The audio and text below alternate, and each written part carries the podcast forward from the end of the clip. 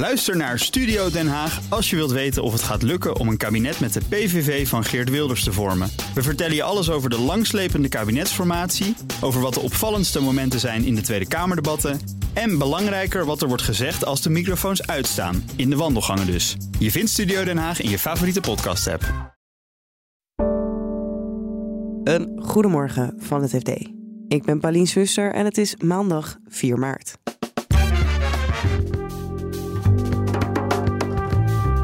Pharmabedrijven zijn minder bereid om kankermedicijnen tijdelijk gratis ter beschikking te stellen. Het kan heel ingrijpend zijn, want uh, er zullen dus patiënten zijn die gebaat zijn bij een medicijn wat ze nu niet meer kunnen krijgen. Pensioenfonds ABP gaat voor 10 miljard euro impact beleggen in Nederland. Dan moet je denken aan uh, betaalbare huurwoningen. Daar gaan ze 5 miljard in steken. En het Belgische Euroclear profiteert onbedoeld van de sancties tegen Rusland. Ik snap dat uh, Euroclear niet ongelooflijk enthousiast is over de redenen waarom dat geld binnenkomt, maar dat ze toch liever dat geld hebben dan dat ze het niet hebben.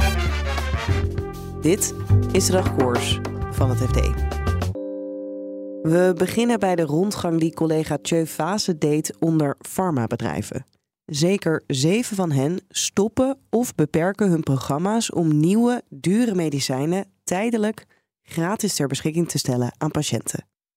Waarom? Dat hoor je zo. Maar eerst, waarom deden ze het überhaupt? Dat doen farmabedrijven omdat die medicijnen dan goedgekeurd zijn. Dus ze zijn in principe beschikbaar voor de patiënt, maar ze worden nog niet vergoed. Dus in het toelatingssysteem zitten ze nog niet in het basispakket van de verzekerde zorg. En dan heb je natuurlijk patiënten die staan te schreeuwen. En artsen ook om die medicijnen. En in die gevallen geven farmabedrijven is een praktijk van de afgelopen jaren die medicijnen gratis weg. En dat doen ze natuurlijk met het oog omdat het tijdelijk is. ze gaan ervan uit dat na verloop van tijd, of liefst zo snel mogelijk in hun ogen, eh, die medicijnen worden vergoed. En krijgen ze dan uiteindelijk nog weer eh, ook terug wat ze ooit gratis weg hebben gegeven, of dat niet? Nee, nee, tot nu toe niet. En nu willen ze hier eigenlijk nou ja, mee stoppen of het uh, afbouwen, dat gratis weggeven. Waarom? Nou ja, dat blijkt uit die rondvraag die ik heb gedaan onder tien farmabedrijven. Ja, je proeft daar een toenemende frustratie over de moeizaamheid van de vergoedingsprocedure in Nederland. Dus het kost steeds meer tijd om een akkoord te bereiken en om toelating tot het Nederlandse zorg te krijgen voor deze nieuwe medicijnen. Dat speelt vooral met medicijnen rond kanker. En die bedrijven ja, die raken daarover gefrustreerd en geïrriteerd. En die zeggen, ja, het duurt inmiddels, voor, voor veel medicijnen is een gemiddelde wachttijd of doorlooptijd van 600 dagen. Dat is inmiddels zo lang. We willen niet 600 dagen lang die medicijnen gratis weggeven. Dat is gewoon te lang. Is het dan ook een manier om te zorgen dat je misschien uiteindelijk beter uit die onderhandeling komt? Dat kan je het zo zien. Ik bedoel, als nu die bedrijven aankondigen dat ze dat minder vaak zullen gaan doen, zal dat de druk verhogen op het ministerie van VWS om sneller door te pakken met die onderhandelingen en sneller tot een akkoord te komen. Want uiteindelijk moet het ministerie dus dat daar toestemming voor geven. Voor deze dure medicijnen is er een procedure, de sluisprocedure, waarbij uiteindelijk de minister de knoop doorhakt. Is dit een aanvaardbare prijs, ja of nee? En hoe staat het ministerie erin nu uh, die farmabedrijven dit zeggen? Nou, het ministerie staat er al vrij lang, vrij stevig in. Uh, ministeries heeft altijd gezegd dat die procedure lang duurt, hebben die farmabedrijven aan zichzelf te wijten. Want die prijzen voor die nieuwe medicijnen zijn veel te hoog. En daarom moeten we wel stevig onderhandelen. Dat is de kern van, uh, van, van de discussie. Dus die, deze padstelling bestaat eigenlijk al jaren. Uh, zeker in Nederland. In andere landen is die minder scherp. Maar zeker in Nederland is er een padstelling tussen farmabedrijven en overheidsinstanties. Over die prijzen en over de vergoedingen. Wat mogen die medicijnen kosten?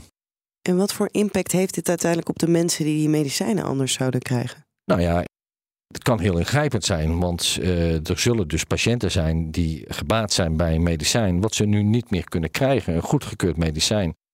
En dat, dat zie je ook al. Er zijn nu crowdfundingsacties gaande voor patiënten die geld inzamelen voor een middel wat ze, wat ze in Nederland niet kunnen krijgen, maar wat in Duitsland, België en Frankrijk gewoon tot de verzekerde zorg behoort. Dus daar, dat zijn schijnende situaties als die mensen een paar honderd kilometer verder hadden gewoond, hadden ze de medicijn gewoon gekregen. Het grootste pensioenfonds van Nederland, ABP, gaat het beleggingsbeleid verder aanscherpen. Eén op de vijf bedrijven in de wereld zijn in vervolg uitgesloten van belegging. Deze koers werd februari vorig jaar ingezet, vertelt pensioenredacteur Maaike Noordhuis. ABP was eigenlijk een van de eerste pensioenfondsen die groot aankondigden uit olie en gas te stappen. Omdat ze eigenlijk ja, niet verwachten dat die bedrijven een verbetering zouden laten zien uh, als het gaat om inspanningen ten aanzien van klimaatambities.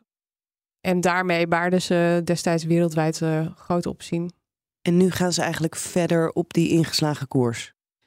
Ja, ze gaan nog een stapje verder. Dus ze kijken niet alleen meer naar duurzaamheid. Ze hebben nu ook biodiversiteit uh, hoog op de agenda gezet. En eigenlijk zeggen ze nu van uh, alle beleggingen die we doen, bekijken we door een uh, duurzame bril en de, een biodiversiteitsbril. En wat is de gedachte daarachter? Waar, waarom willen ze dit? Ja, eigenlijk zeggen ze de wereld, de wereld verandert. En we willen ook een beetje de risico's beperken in onze beleggingsportefeuille. Uh, ABP is heel erg van mening dat, ja, dat het eigenlijk investeren in bedrijven die schadelijk zijn voor, uh, of die schade toebrengen aan, uh, aan het milieu en aan een omgeving, dat dat ook gewoon uiteindelijk een risicovolle investering is. Dus ja, ze trekken daar gewoon een grens. En ze gaan dus hun beleggingsbeleid nog verder aanscherpen, maar ze gaan ook 30 miljard op een andere manier beleggen. Wat gaan ze daarmee doen? Ja, die 30 miljard hebben ze gereserveerd om uh, te investeren in projecten die niet alleen rendement opleveren, maar die ook ja, aantoonbaar een positieve impact hebben op omgeving en uh, klimaat. En daarvan is 10 miljard gereserveerd voor projecten in Nederland. En wat voor soort projecten gaat het dan om in Nederland? Uh, dan moet je denken aan uh, betaalbare huurwoningen. Daar gaan ze 5 miljard in steken. En daarnaast gaan ze geld steken in innovaties en uh, duurzame energieprojecten. Dit is wel precies een beetje wat Politiek Den Haag al zei. Die kijken wel vaker naar die hele hoop geld bij de pensioenfondsen. Ja, ja, Den Haag kijkt vaker naar de pensioenfondsen als ze geld nodig hebben. Dus vorige week ging het weer over defensieuitgaven paar maanden geleden, nou eigenlijk niet eens een paar maanden geleden, kort geleden ging het over uh, sleuteltechnologieën. Soms wordt naar pensioenfonds gekeken om te investeren in start-ups. Dus ja, als er geld nodig is, dan wordt naar de pensioenfonds gekeken. En kon ABP er iets over zeggen of er nog meer te halen valt voor Nederland dan die 10 miljard? Nou, op zich liet de bestuursvoorzitter van Wijnen weten van... Uh, nou, fijn dat ze me weten te vinden in ieder geval. En ze zijn best wel bereid om meer geld in Nederland te steken... maar dan moet er wel consistent beleid zijn... en niet steeds ad hoc het initiatief aangeklopt worden bij de pensioenfondsen. En tot slot gaan we naar België, naar Euroclear. Een bedrijf dat onbedoeld spekkoper is van de sancties tegen Rusland. Verslaggever Daan Ballegeer vertelt je wat ze doen. Wel, Euroclear is een spin in het web van de financiële markten. Je kan zeggen dat het uh, de boekhouder van de beurs is. Die maakt dat uh, kopers van aandelen, uh, obligaties en dergelijke, dat die die effecten ook daadwerkelijk krijgen. En dat de verkopers, die het dus van de hand hebben gedaan, dat die een geld in ruil krijgen. En dat gaat om bijna onbevattelijke cijfers. Dus uh, het settlementhuis, dat is een andere omschrijving ervoor, dat verwerkt jaarlijks 299 miljoen transacties. dus ja, dat is best wel wat. En toen de Russische sancties kwamen, toen zaten ze opeens met een probleem. Wat moeten we doen met dat geld? Ja, ja maar ik denk dat uh, om dat goed te begrijpen, dat we eerst en vooral moeten zeggen waarom er zoveel Russische tegoeden precies bij uh, Euroclear staan. Uh, dat is een gevolg van de internationale sancties natuurlijk, die genomen zijn na de uitbraak van de oorlog in Oekraïne. En daardoor zijn er naar schatting 260 miljard euro aan Russische tegoeden geblokkeerd bij Euroclear. En de reden dat Euroclear daar eigenlijk zo prominent is, is omdat het een twaalftal jaar geleden Rusland heeft geholpen om aantrekkelijk te zijn voor westerse investeerders. Ze geven dan advies voor ja, uh, fiscale aanpassingen, ook uh, wettelijke systemen aanpassen, operationele dingen, uh, zodat ja, die buitenlandse investeerders zeggen, ja, ik vertrouw het wel, daar wil ik mijn geld kwijt. En als je eenmaal zo'n financiële autostrade hebt aangelegd, ja, dan rijden er ook zakken geld de andere richting uit, dus vanuit Rusland naar de rest van, van Europa. En daardoor staan heel veel tegoeden die bij Euroclear normaal gezien moesten verschuiven, nu geblokkeerd. Ja, en hoe zijn zij daar spekkoper van? Hoe verdienen ze daaraan? Wel, die Russische klanten die kunnen dus niet meer aan hun geblokkeerde effecten, maar ze blijven wel juridisch recht hebben op de waarde daarvan, dus van die aandelen en obligaties. Uh, dus ook bijvoorbeeld op de, de coupons van die obligaties, of als obligaties op vervaldag komen, hebben ze nog altijd recht op die cash. Maar ze krijgen bij Euroclear op die geblokkeerde cash geen vergoeding. Hè, want uh, Euroclear doet dat bij geen enkele klant. Ze hebben een soort speciale banklicentie en ze moeten van de regelgever de hoeveelheid cash op hun balans zo minimaal mogelijk houden. Dus dat doen ze door geen rente toe te kennen.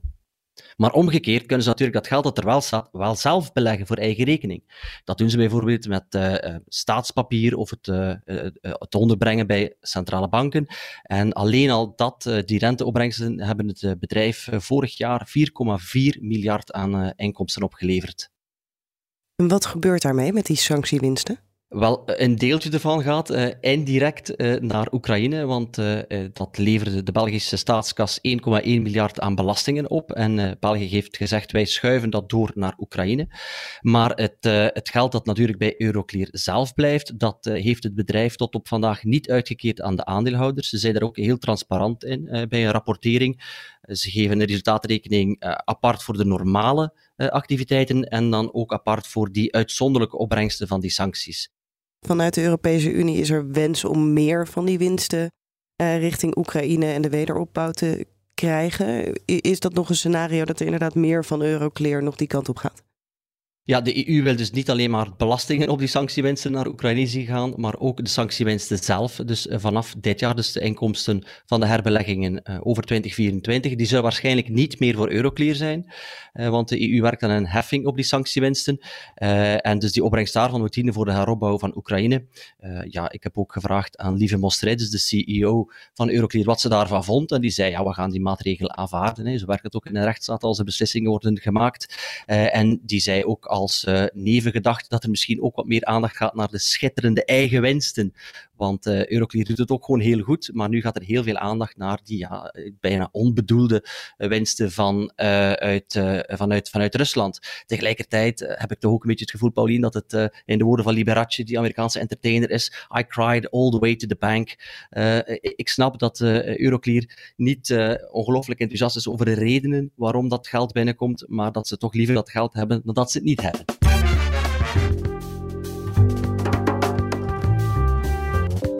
Dit was de dagkoers van het FD.